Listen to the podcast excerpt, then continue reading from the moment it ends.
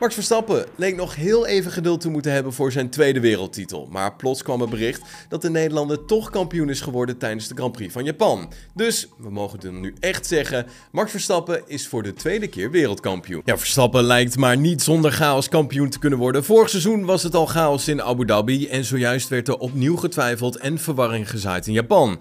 Verstappen kwam als winnaar over de streep op Suzuka, maar net als zijn team was hij in de veronderstelling dat hij nog geen kampioen was geworden. De Nederlander netjes zijn grid-interview, liep weg en werd vervolgens toch maar weer teruggeroepen omdat hij blijkbaar toch het wereldkampioenschap had gewonnen. Bijna niemand kon het geloven, ook binnen het team van Red Bull Racing niet. Want de regels namelijk, finish je onder de rode vlag, dan komt de percentageregel om de hoek kijken.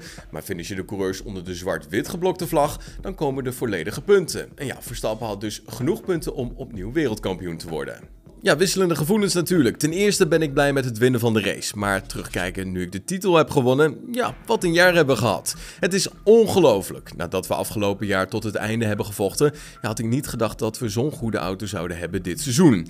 Ik ben iedereen die hier aan heeft bijgedragen ontzettend dankbaar. Het hele team hier, maar ook in de fabriek, werkt iedereen continu ontzettend hard. Daarnaast natuurlijk ook de samenwerking met Honda. We zijn constant op hoog tempo beter geworden en we hebben nu twee keer met ze gewonnen. Het is heel emotioneel. Helemaal hier. Er lag wat druk op, maar dat is goede druk. Ik ben ontzettend trots dat we het hier hebben kunnen doen. Ja, als Verstappen de vraag krijgt welke van de twee wereldkampioenschappen er voor hem nou persoonlijk het meest bovenuit stijgt, dan zegt hij het volgende. De eerste is iets emotioneler, maar de tweede is mooi vanwege het seizoen dat we hebben gehad. De overwinning en het teamwork, de 1-2'tjes. Ja, we leiden het constructeurskampioenschap en daar gaan we ons nu op focussen.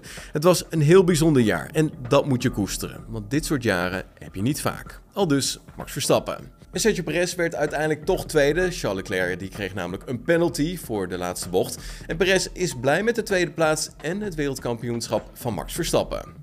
Ja, na afloop van een chaotische dag, die Perez dus als tweede eindigde, was de Mexicaan kort maar krachtig aan het woord. Een goed resultaat, zeker voor alle Japanse fans. Een mooie dag voor het team, zeker nu Verstappen wereldkampioen is.